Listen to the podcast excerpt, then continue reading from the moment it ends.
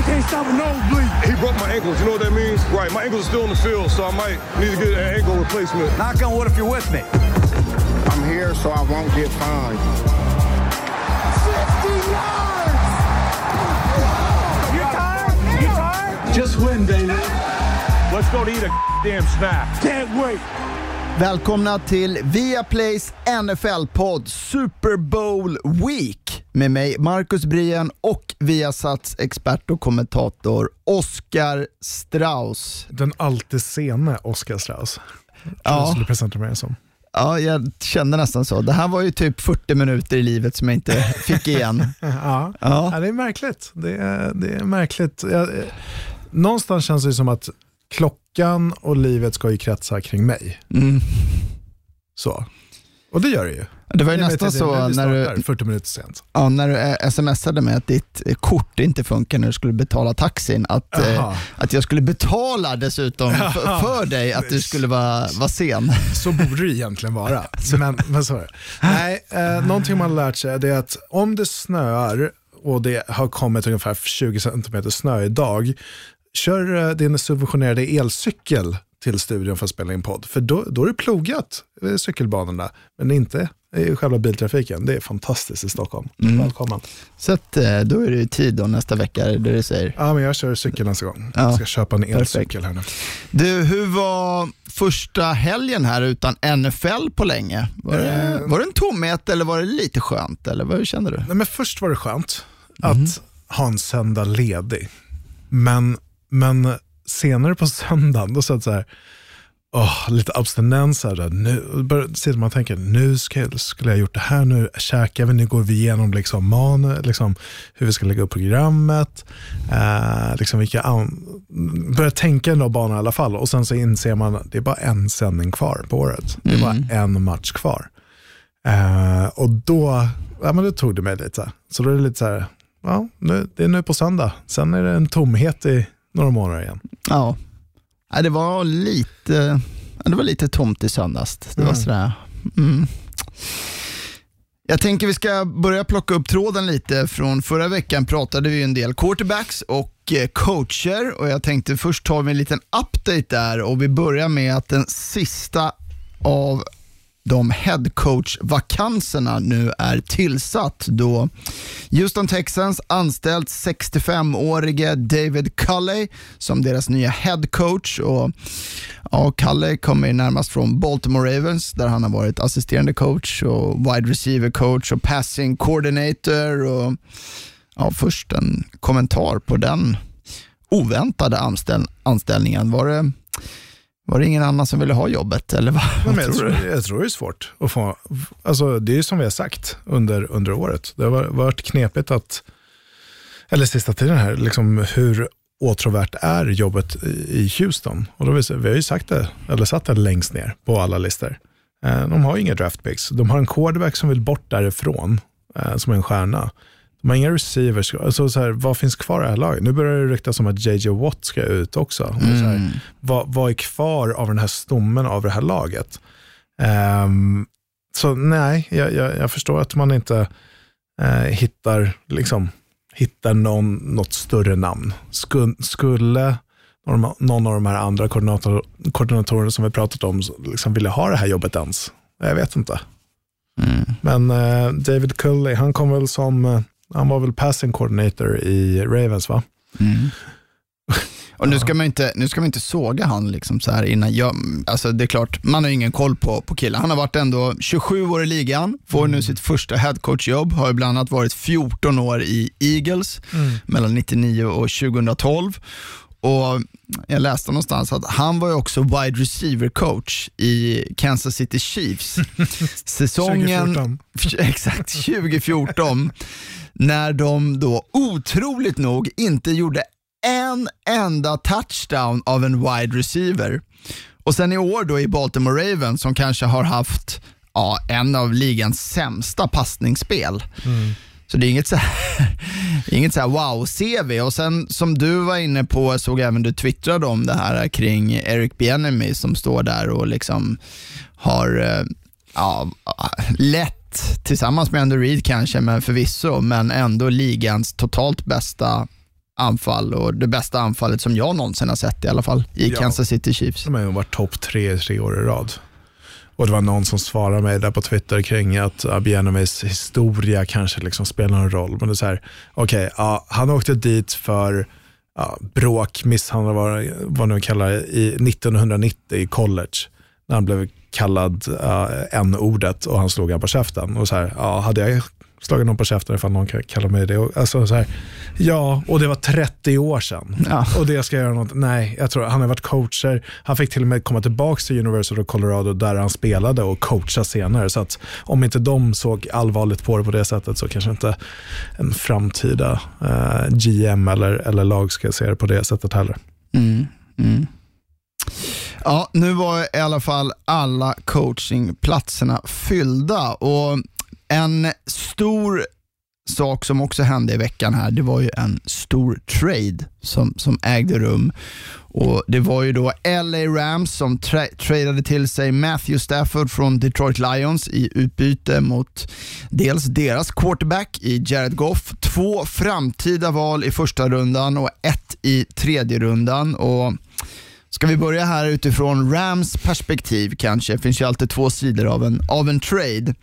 Så dels så tyckte jag att det, det bekräftade ju det lite som vi har sett och kanske läst mellan raderna i år att Rams inte riktigt litat på, på Jared Goff eh, som quarterback och även lite det som man har känt kring dem att de är lite i det här win now-fönstret och, och går för att kanske göra som Tampa Bay kommer få göra i år, att få en Super Bowl på hemmaplan. Då nästa Super Bowl spelas ju i LA. Men vad, vad säger du från, från Rams perspektiv här? Man, eh, ger ju upp, man ger ju upp ganska mycket.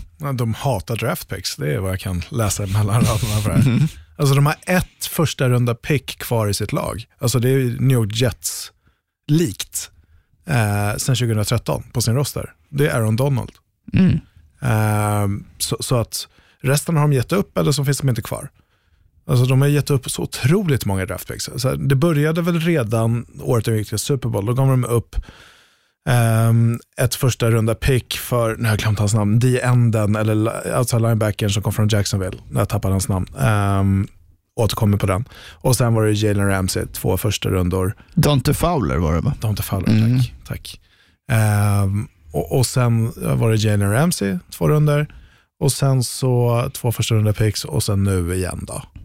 Ehm, Alltså jag såg ju det här, Rams har ju alltså sen de valde just Jared Goff 2016 med första picket i, i draften så har de alltså inte haft några draft picks i första rundan exakt. och de kommer inte ha det alltså förrän 2024. Vi snackar alltså ett fönster då på, på åtta år utan att välja ha ett val i första rundan. Mm. Det är ju anmärkningsvärt. Mm. Mm. Nej, de har ju gett upp alltså, så otroligt mycket. Det var väl Watkins de tog för ett första runda pick också? va? Alltså det, var, det, var, det var en del märkliga trades där. 2017, 2018, 2019. Nej, men det, det, det, alltså det Brandon Cooks, kan det ha varit han också? kan ha varit, alltså det, det är så otroligt många som har åkt in och ut ur det där laget som, som inte finns kvar heller. Liksom, som man har, det är samma sak med Fowler. Liksom. Du, du, du tradar för honom, ger ett första runda pick och sen så har han ett år kvar på kontraktet och sen så är han, ja, du vill inte signa om, om honom. Samma sak var det med Watkins. Så, så nej, det, de gör lite märkliga val. Front office där. Nu tar de Matthew Stafford. Alltså, det är samma pengar som för Jared Goff, alltså betala lön i, i princip, liksom i runda slängar. Eh, grejen är att det ryktas om att man liksom i Detroit tog, tog sig an Jared Goff för att liksom salary capen, han har ett längre kontrakt, men han kan vara ute efter två år där också. Mm. Så, så att med dem Men om vi ser rent där. fotbollsmässiga här nu, Stafford i LA Rams. Eh, för mig så känns det ju direkt som en, nu som en het kandidat i NFC för att laget i sig, rosten i sig, har ju bevisat det ju faktiskt i år också att man, man håller ju. Alltså, Matthew Stafford har aldrig vunnit en slutspelsmatch. Alltså det är så här, ja. är inte så många chanser heller kanske. Nej, nej, nej fortfarande. Men, men, men fortfarande, så här, är det en vinnande quarterback? Alltså är han, är Matthew Stafford en topp 10 quarterback när han är frisk? Ja, det är han. Är han topp 5? Nej, det är han inte. Han är där mellan 5 och 10. Och, och i Jared Goff, mm, mellan 10 och 15 kanske, har spelat eh, som det här året. Det året de gick till Super Bowl, ja, men då var han topp 5 Nej, det har varit quarterback. sämre än 10-15 i år, Jared Goff. Han har inte varit så bra, skulle inte jag säga. Nej, okej då. Jag kan köpa det.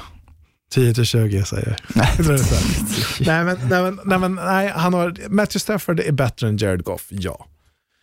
Kommer det här laget vinna många fler matcher på grund av det? Nej, jag vet inte. Jag vet inte, jag är inte övertygad. Mm. Kanske.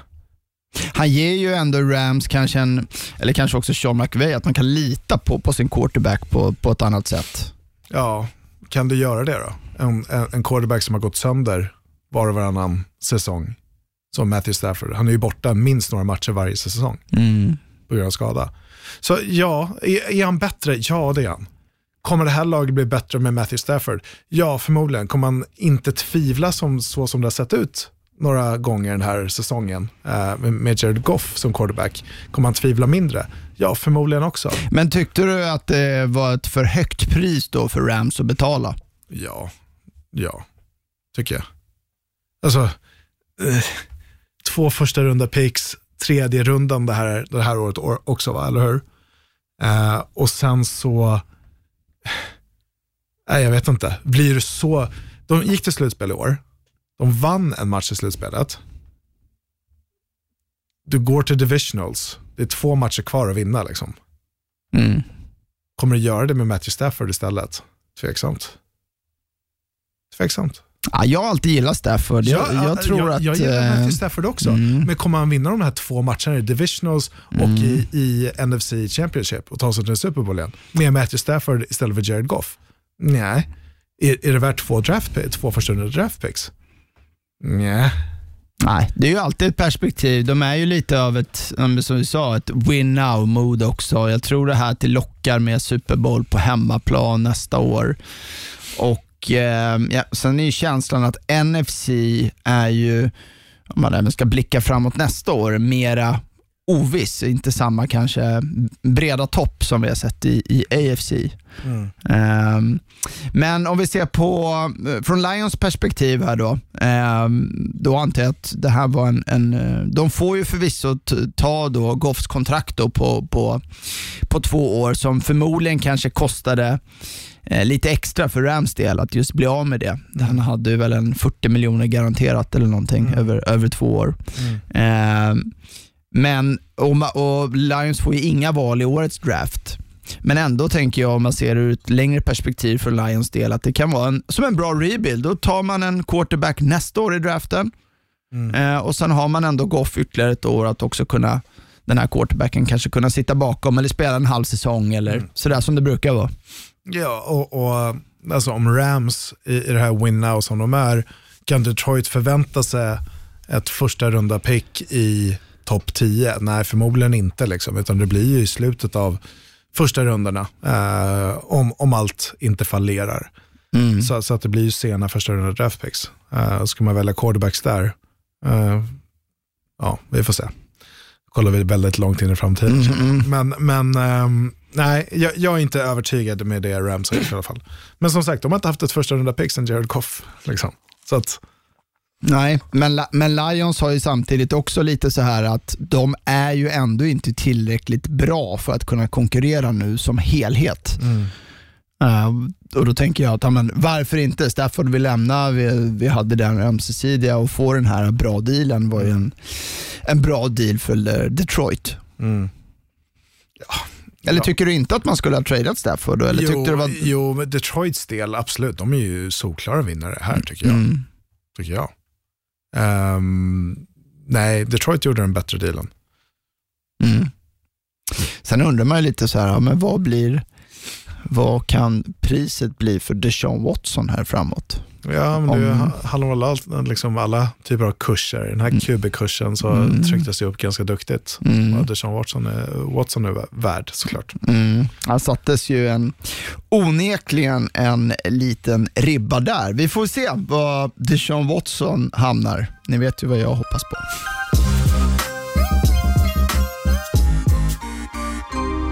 Kvällen innan Super Bowl är det ju traditionsenligt NFL Honors som går av stapeln där dels årets klass till Hall of Fame annonseras samt att då priser för årets ja, olika prestationer i ligan delas ut. Och jag tänker här nu Oskar att vi ska ha våra egna NFL Honors med de spelarna som vi tycker ska få priset. Kanske inte vad vi tror det kommer bli, utan vad, vad, vilka vi tycker. Vi bestämmer helt enkelt, är värda det.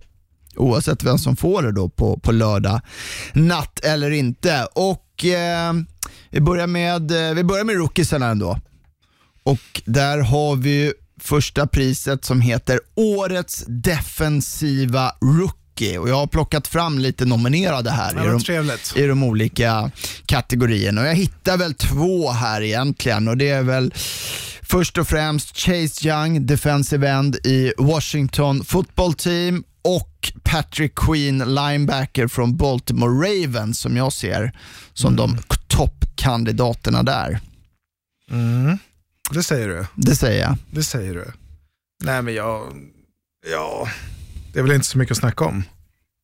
Det är väl killen där i, i Washington. Ja, det är det va? Ja. Chase Young, jo men, jo, men det tycker jag. Eh, inte så mycket att snacka om. Han, har, han är med, han, han var ju liksom speciellt senare i säs- i säsongen som gjorde att det här laget gick till slutspel. Liksom, han var ju med överallt. Sacks, fumbles, alltså orsaka fumbles, eh, plockade upp fumbles, sprang in för en TD. Han var överallt. Jag, jag, jag tror inte de snackar om saken. Han, han borde vinna den.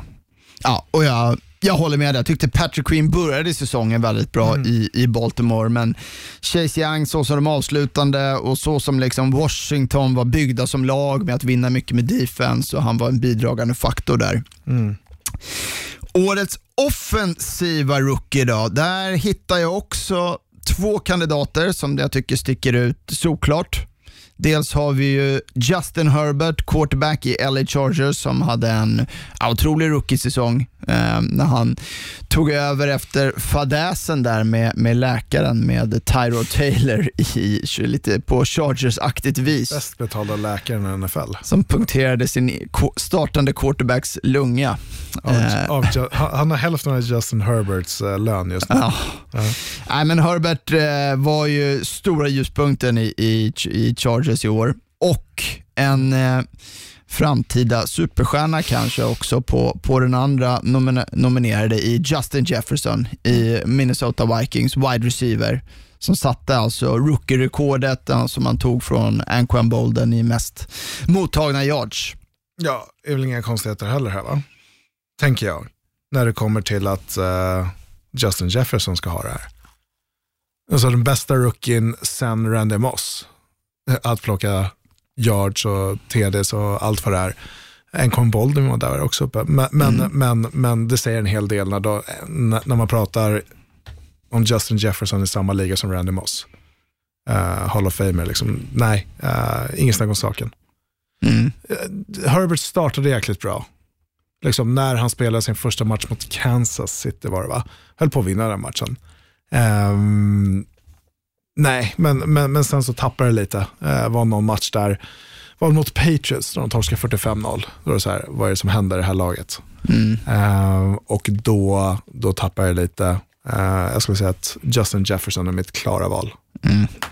Ja, Jag är beredd att, att hålla med dig där också, även fast jag tycker att Herbert har ju för hans första år i ligan verkligen stått för en ja, imponerande insats. Ett litet halvflummigt pris där är ju årets offensiva spelare. De man liksom har ju MVP och, och man pratar sådär. Jag tycker här att vi säger att vi ger den till årets spelare som inte är en quarterback. Ja, men det är ju lite så. Det känns, ja fast ibland har det varit att quarterback har fått det och, och sådär. Ja. Ehm, förra året fick ju förvisso Michael Thomas det i receiven i, i Saints. Här har jag lite mer kandidater. Tycker jag var lite, lite svårare. Eh, på ett sätt, men jag vet vem jag tycker i alla fall. Men eh, ja, ja, vi har Dalvin Cook, running back, Minnesota Vikings, Derrick Henry, Tennessee Titans, Stefan Diggs i Buffalo och Devonta Adams, Green Bay Packers, Oscar. Alla fyra med otroliga säsonger i ryggen. Ja, och, och om, man, om man tittar på, alltså om vi börjar med de två första, så är running backsen, då är det Delvin Cook och De- Derrick Henry. Eh, och, och statistikmässigt och vem som var värd mest för, för vardera lag så är Derrick Henry bättre. Han har 17 TDs jämfört med Devin Cook 16 på marken. Han har över 2000 yards, Devin Cook strax över 1500. Så äh, där, där leder Derrick Henry för mig. Tittar på wide receiver-sidan så säger Stefan Diggs, ja han hade en bra säsong men bara åtta touchdowns. Du, du vinner inga liksom, bästa offensiva spelare med åtta touchdowns. Så även fast han var en stor del i det här laget då, då är Josh Allen liksom, eh, en bättre offensiv spelare som är bättre för det här laget ifall han inte ska vinna MVP, vilket jag inte tror att han gör. Eh, så, så där skulle jag väl säga att Devonta Adams, har man 18 touchdowns, Ja, det är otroligt. det är orimligt. Eh, men, men samtidigt så här tittar jag så här, men Devonta Adams, han, visst, han missar några matcher, han har 1300 yards. Så här, ja, varför kan inte Travis Kelce vara där då? Med 11 touchdowns med 1400 yards som tight end. Det är femte året i rad han har över 1000 yards. Mm, ja, en, en bra, bra poäng att lägga till, absolut. Liksom, det är en tight end vi pratar om, Mm. som ligger näst först av alla mottagare i ligan. Mm. En tight end. Mm. Så ge tight enden lite kärlek i Travis Kelce, det känner jag. Men annars skulle jag säga Derrick Henry. Mm. Äh, Derrick, Henry, Derrick Henry var ju också min, min favorit här eh, och som jag tycker, tycker förtjänar det priset. Han hade ju så många otroliga matcher och bar ju sitt Titans på, på så många sätt. Mm. Eh, både med antalet yards, betydelsen i spelet och eh, antal touchdown. Men eh, bra, Kelsey där håller jag med om också såklart. Det var liksom Chiefs. Det, Ja, Det- det är lite fusk. 15 Ja. touchdowns. Ja, jag mot henne. ja. Defensive Player of the Year, årets defensiva spelare. Och jag har två namn som jag slänger upp. Mm. Kanske inte finns någon så här supersjälvklar som man har känt eh, vissa år. Men eh, det är ju Aaron Donald i LA Rams och TJ Watt som jag tänker på i Pittsburgh Steelers. Mm. Alltså, tio matcher in i den här säsongen hade varit TJ Watt alla dagar i veckan för mig. På något sätt. Men eh, jag, jag, tycker, jag tycker den här säsongen varit, det är ingen som sticker ut på det sättet. nej, Ingen corner heller, eller som har varit så här äh, dominant. Vi hade väl Stefan Gilmore förra året som tog hem det va? Från eh, New England Patriots. exakt. Nej, men TJ Watt han har ju 15 sacks i år. Spelade 15 matcher. Alltså en sack per match, en interception också, två fumble, forced fumbles. Alltså, ja, han, han är väl i toppen. Alltså någon jag skulle vilja slänga ut är ju Devin White i, i Tampa Bay. Tycker han är fenomenal. Alltså fantastisk linebacker som sidlinje, jobbar sidlinje till sidlinje.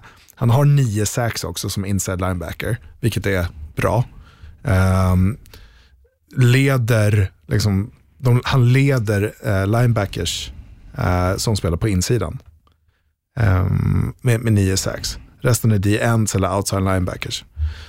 Eh, så, så eh, det namnet skulle jag vilja slänga in där. Eh, har också, jag tror han har uppe i flest antalet tacklingar eller topp fem, eller han är femma på flest anta- antalet tacklingar med bra anfall.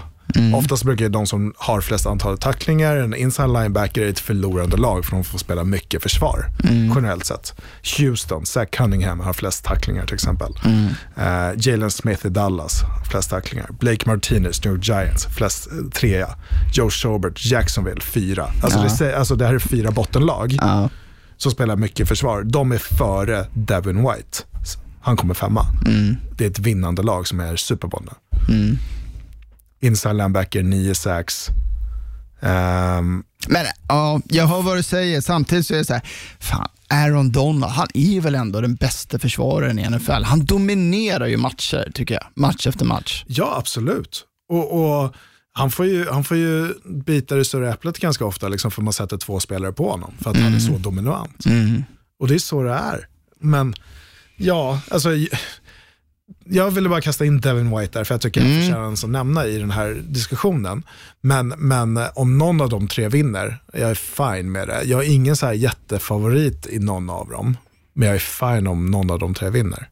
Jag vill inte säga, alltså så här, TJ Watt, ja absolut. Jag kan se han vinna. Jag kan se Aaron Donald vinna också. Jag kan se Devin White vinna. Ja, då slår jag fast att vi ger priset till Aaron Donald. Ja. Han är, Okej då. ja. Det gör lite ont. att- Ja, Ja, det gör men lite kör, ont. kör Ja. Det är bra. Eh, årets MVP. Eh, där finns det väl bara två kandidater tycker jag. Eh, vi kanske kan slänga in Josh Allen där som en liksom tre, solklar trea i alla fall, bakom Patrick Mahomes och Aaron Rodgers. Och eh, som alltid i de här priserna så är man ju alltid eh, så att säga, eh, ma- man har ju det senaste på näthinnan. De senaste matcherna, den senaste månaden och nu har det gått en månad sedan grundsäsongen, men det är ju faktiskt grundsäsongen här man, man bedömer. Eh, vilket gör ju en, en skillnad, men det är klart att det, är- det är lättare att komma ihåg eh, matcherna i, i december även än de vecka 1 till 5 där i september, oktober. Med det sagt så, ja vad... Nej, det var ju det är svårt här, tycker jag. Ja, men, Vad landar du? nej, men jag eh, pratade lite om det här förut. Liksom, så här, men det handlar ju om regular season. Det är det det handlar om. Liksom. Men det här priset ges ju ut kvällen innan Super Bowl. Och det är såklart det finns på allas näthinnor vilka som är i Super Bowl och vem som har Givetvis. presterat hela vägen dit.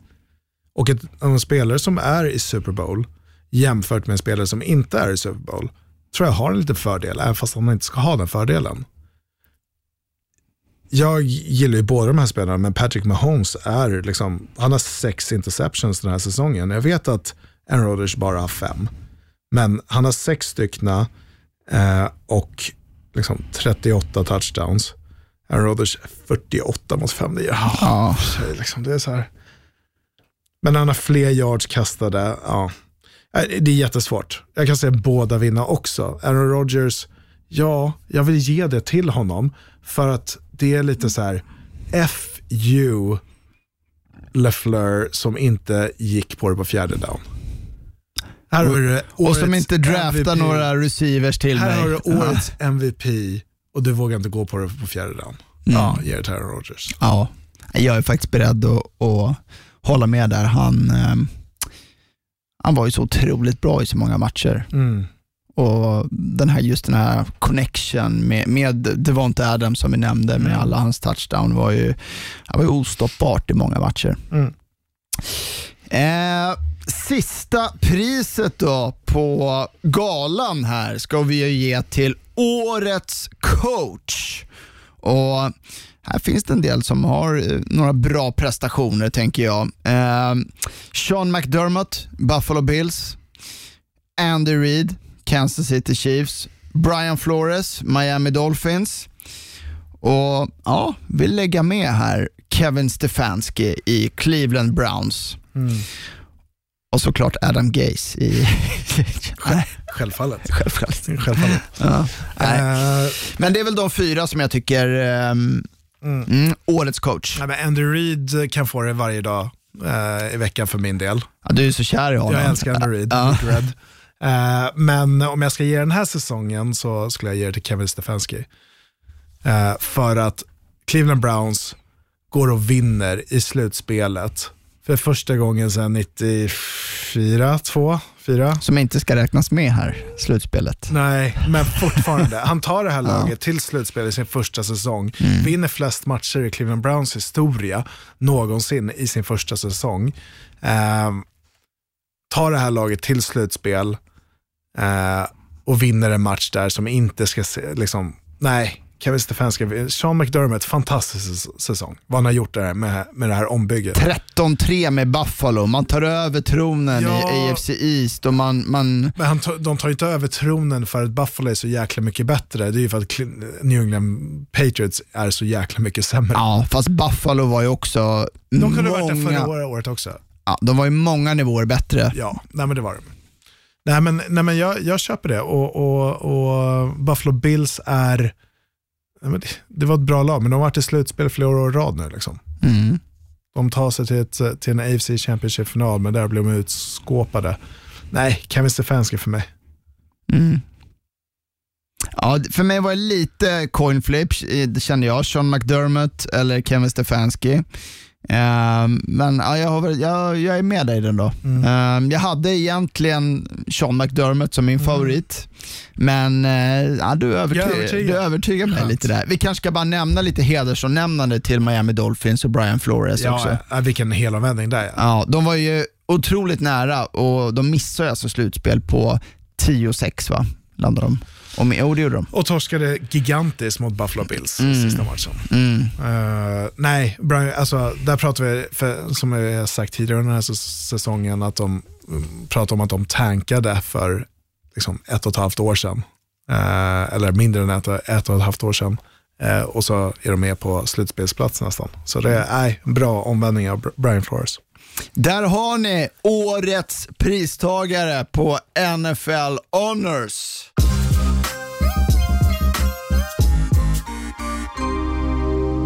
Super Bowl Sunday väntar nu på söndag. En höjdpunkt på, på året då USA står stilla och det finns ju så mycket som hör till en Super Bowl just mer än själva matchen i sig som är ju liksom höjdpunkten på, på säsongen. Vi har reklamfilmerna, vi har nationalsången, halvtidsshowen, maten och alla liksom traditioner som man själv har med sina vänner eller sin familj eller var man nu väljer att se matchen. Och, jag vet, du ska ju jobba Oskar. Det har jag gjort sedan matchen Ravens 49ers. Mm. Jag har jobbat varenda Super Bowl. Harbow Bowl. Harbaugh Bowl. Mm.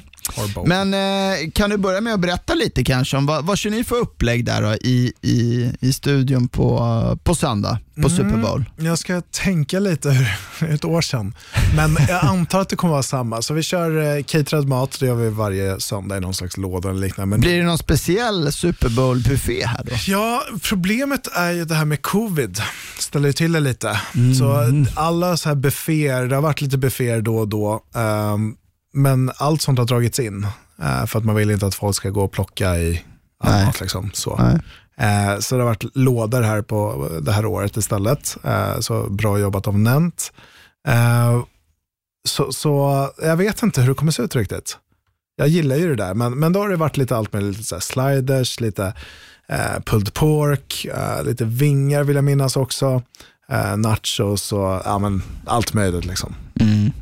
Allt är goda, Ja. allt är nyttiga. ja, det där är så fint. Jag kör ju också en hel amerikansk kväll. Ja. Alltid. Det blir ju liksom mozzarella sticks och chili cheese och självklart chicken wings. Det är din favorit vet Mm. Det är jag. min favorit. Ehm, och i år ska vi faktiskt, min brorsa smsade mig i, i, igår här, vi ska köra en, en ny variant där på chicken wings Mhm. eh, som han kallade Chicago Bears vingar.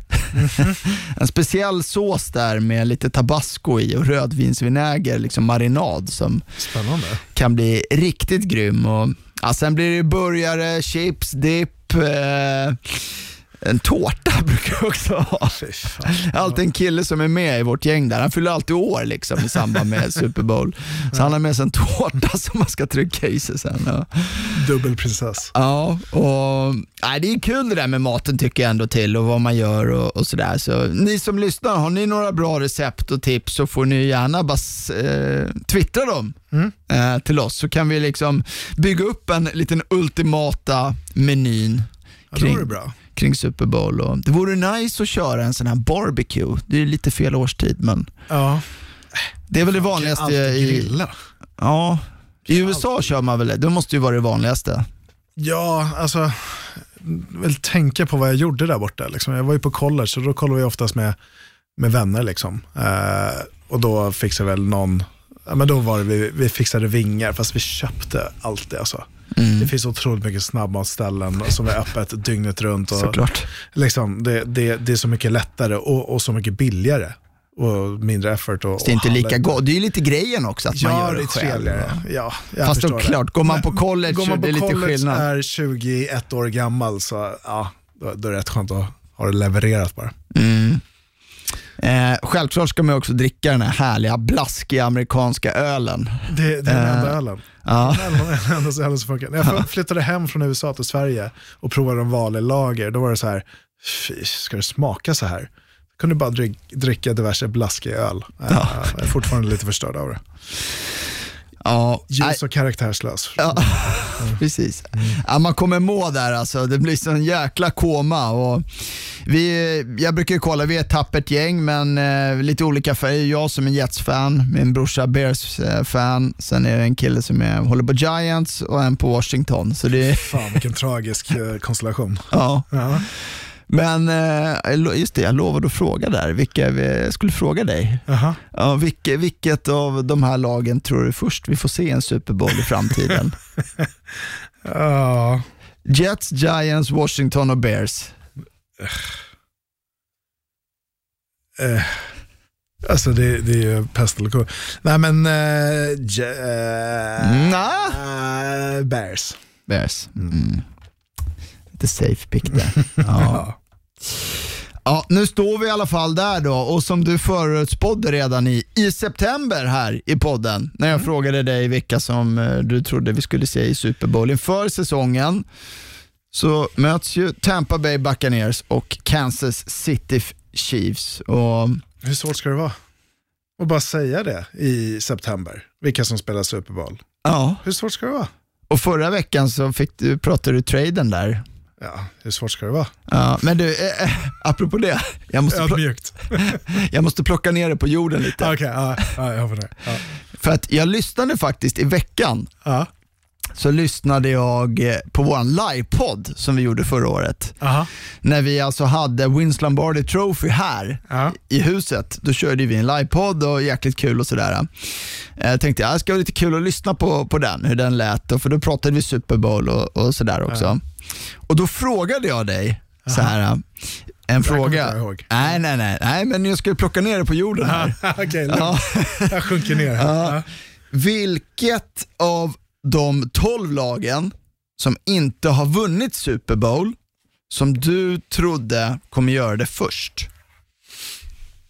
Mm. Och du kommer inte ihåg vad du svarade här? Nej, ingen aning. Nej, du svarade ju Houston Texans. Ja, de var så nära. Ja. Ja. Känns det lite avlägset nu? Nu blir det knepigare känns det som. Lite rebuild här. Lite, lite halvjobbigt. Ja, men hur ska man förutse att det här skulle explodera? Bill O'Brien, det såg så bra ut där förra året. Mm. vill bort och så vidare. Trada bort DeAndre Hopkins var ju ganska nära förra året när de ledde där mot Chiefs med i division och så. Ja. ledde de så här 24-3 eller någonting till Ja.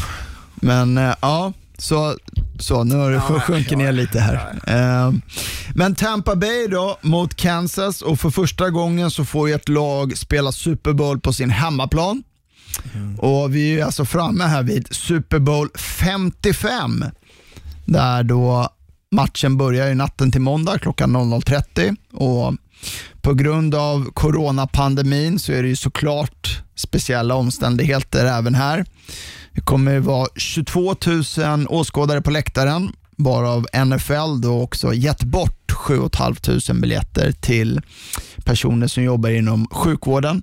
Helt rätt. Helt rätt, riktigt bra gjort. Och, ja, man planerar ju också att sälja de tomma platserna till eh, folk som ska kunna köpa dem och sätta liksom en så kartongbild på, på sig själv. Eh, de kan ju det där med business i alla fall. NFL. Ja, de, så har de gjort i vissa lag här nu under säsongen och, och sen gett de pengarna till vä- välgörande ändamål. Ehm, så jag tycker det är en hel, he- alltså, och det tippar jag på att man gör i det här fallet också, att skänka de pengarna som kommer in. Mm. Ehm, så helt rätt. En annan speciell grej, det brukar ju vara ett stort det här, det vet ju du som har varit på Super Bowl eh, och, och jobbat det här med Super Bowl Week och världens media-event i en vecka och inga, allt sånt är ju inställt.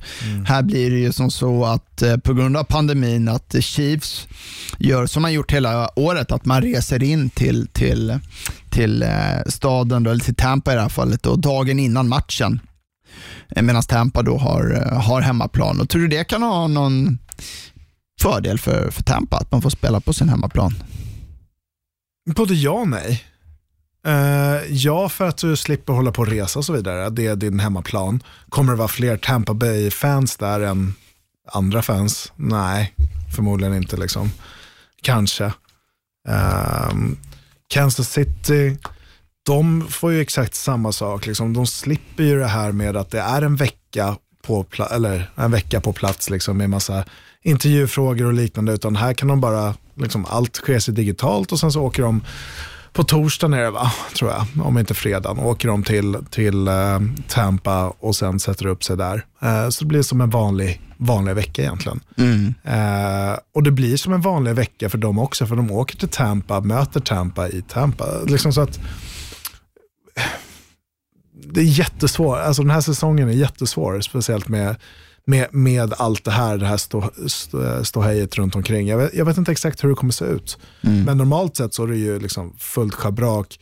Spelarna är tillgängliga x antal timmar per dag för intervjuer från diverse olika mä- människor. Liksom det, är, det är konstiga intervjuer, folk som ställer dumma frågor ska in och göra Den någon- svenska tvn som ska dit. Nej, men och, gör någon. TikTok och så vidare. Det, det, det är idioter överallt liksom, som ska in och avbryta liksom, när Bill Belichick står och håller tal. Liksom, så, så kommer det in folk och skriker. Det är, här, det, det är bara ett ståhej.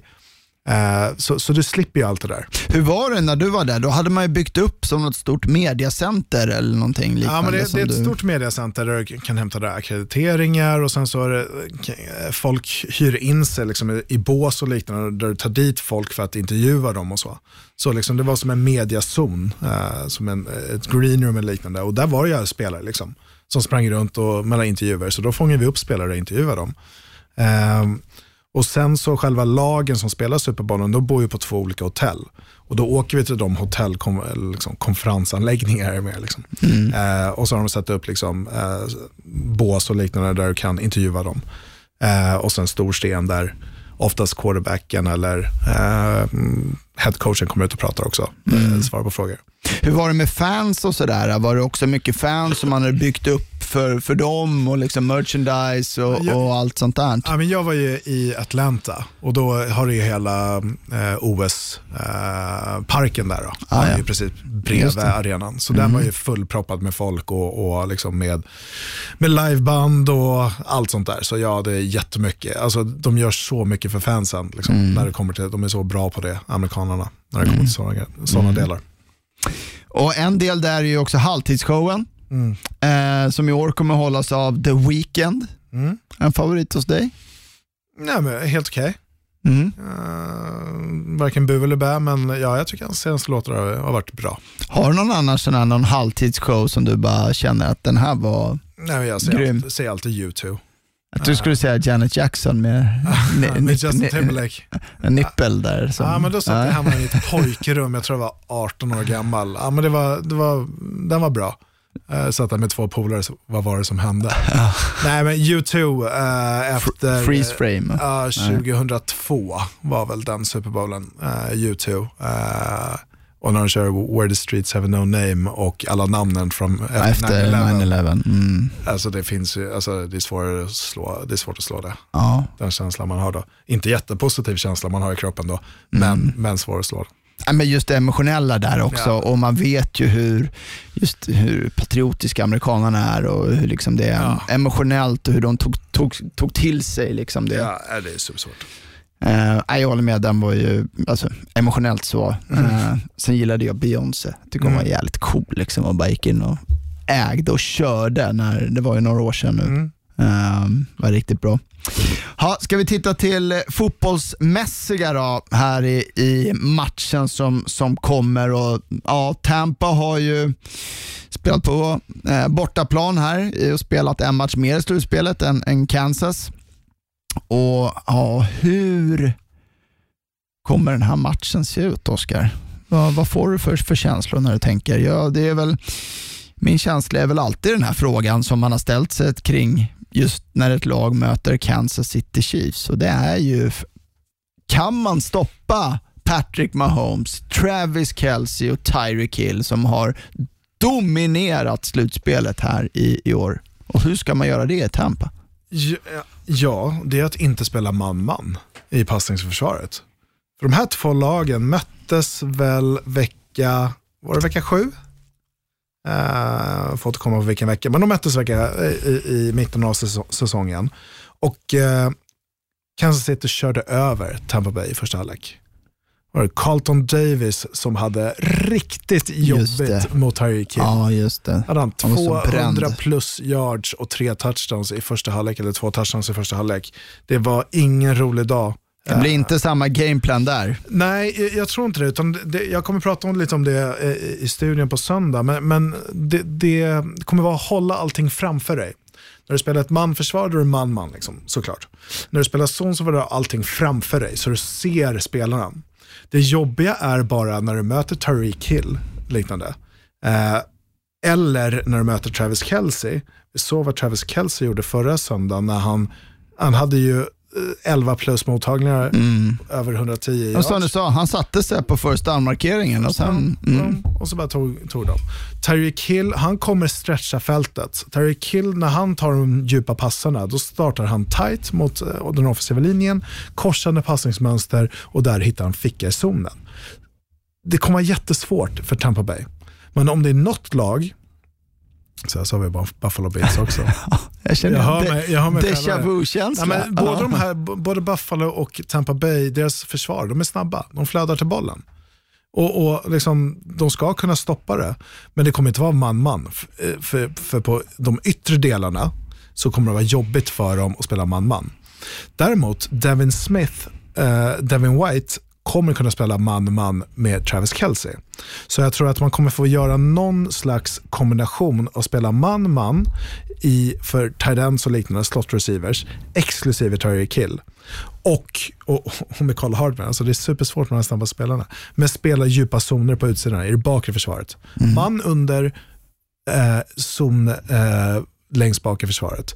Då täcker du upp, då, men det kommer skapas luckor då. Det kommer skapa, alltså, Men där är väl en nyckel också. Vi såg ju ändå Tampa här mot, mot Green Bay också få en bra en ganska så bra press på Aaron Rodgers. Där Mm. vi såg ju alltså, JPP eh, klev fram Mm. och även deras andra DN som jag nu eh, eh, tappar namn, Barrett. Shaq Barrett, eh, precis, klev ju fram i, i den matchen och Mm. spelade väldigt bra. Och kan man också komma snabbt till, till Mahomes här så är väl det Ja, också, det hänger ihop lite där, den här helheten. Ja, sen så har du Nedama Kung Su där också. Så, så att det, det, det är såklart de kommer kunna komma åt ehm, Patrick Mahomes.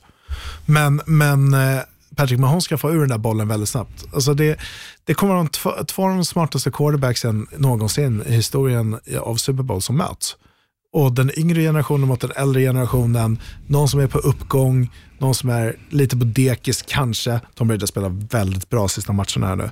Men, men eh, jag, jag, jag har jättesvårt att se den här matchen liksom, gå något annat håll än att Kansas City ska vinna den.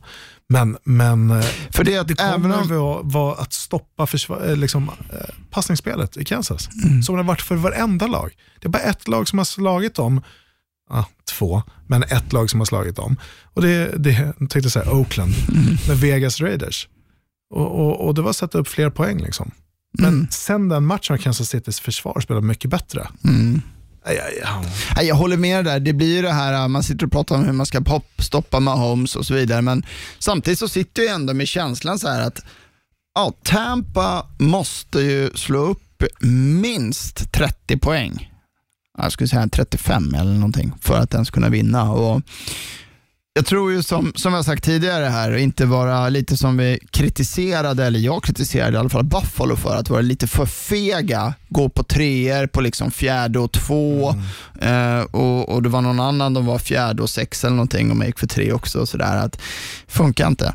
Måste, och Bruce Arians känns ju ändå lite som Båda, en... jag tänkte säga, båda de här coacherna nu, liksom, att Ja. gå på det på fjärde, det kommer inte ha de ha några problem med att göra. Nej, Men Bruce Arians, fortsätt. Ja, nej, men jag tror det också vi kommer få se det. Att, att, att, jag hoppas det i alla fall, att, att han inte liksom kryper tillbaka här och inte liksom är sig själv. Och sig själv är ju Bruce Arians, den här som du är inne på, går på fjärde down och vågar. Eh, och också att man också gör det som man också faktiskt blivit bra på här i Tampa, att kunna gå djupt, hitta de här stora spelen som vi såg här mot, mot Green Bay i slutet på första halvlek när de hittade Scottie Miller på den här 40-50 yards passen och självklart minimera turnovers. Jag menar Tom Brady kan ju inte kasta tre picks. Nej. Tror jag inte mot Kansas. Nej, då kommer han inte vinna matcher. Ehm, men nej, gasen i botten. Ja, det, det, det är det från båda de här lagen. Direkt i början.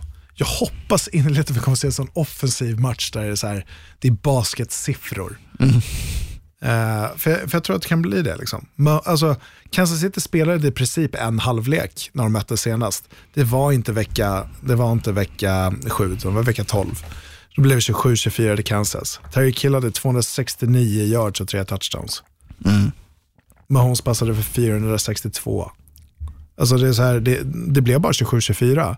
Men man slutade spela lite Kansas i, i andra halvlek. Men det Tampa Bay Buccaneers gjorde i andra halvlek, det var att de, de började spela zon istället för man-man i försvaret. Men jag säger det, spela zon längst bak i försvaret och spela man under. Tampas anfall då? Hur tycker du man ska attackera Chiefs här? Jag har en liten känsla att en spelare som Chris Godwin i, i slotten här kan få en nyckelroll i matchen. Ja, jag, jag vill ju leta liksom vart fördelarna finns för Tampas eh, liksom mot, mot, deras, mot Kansas Citys försvar.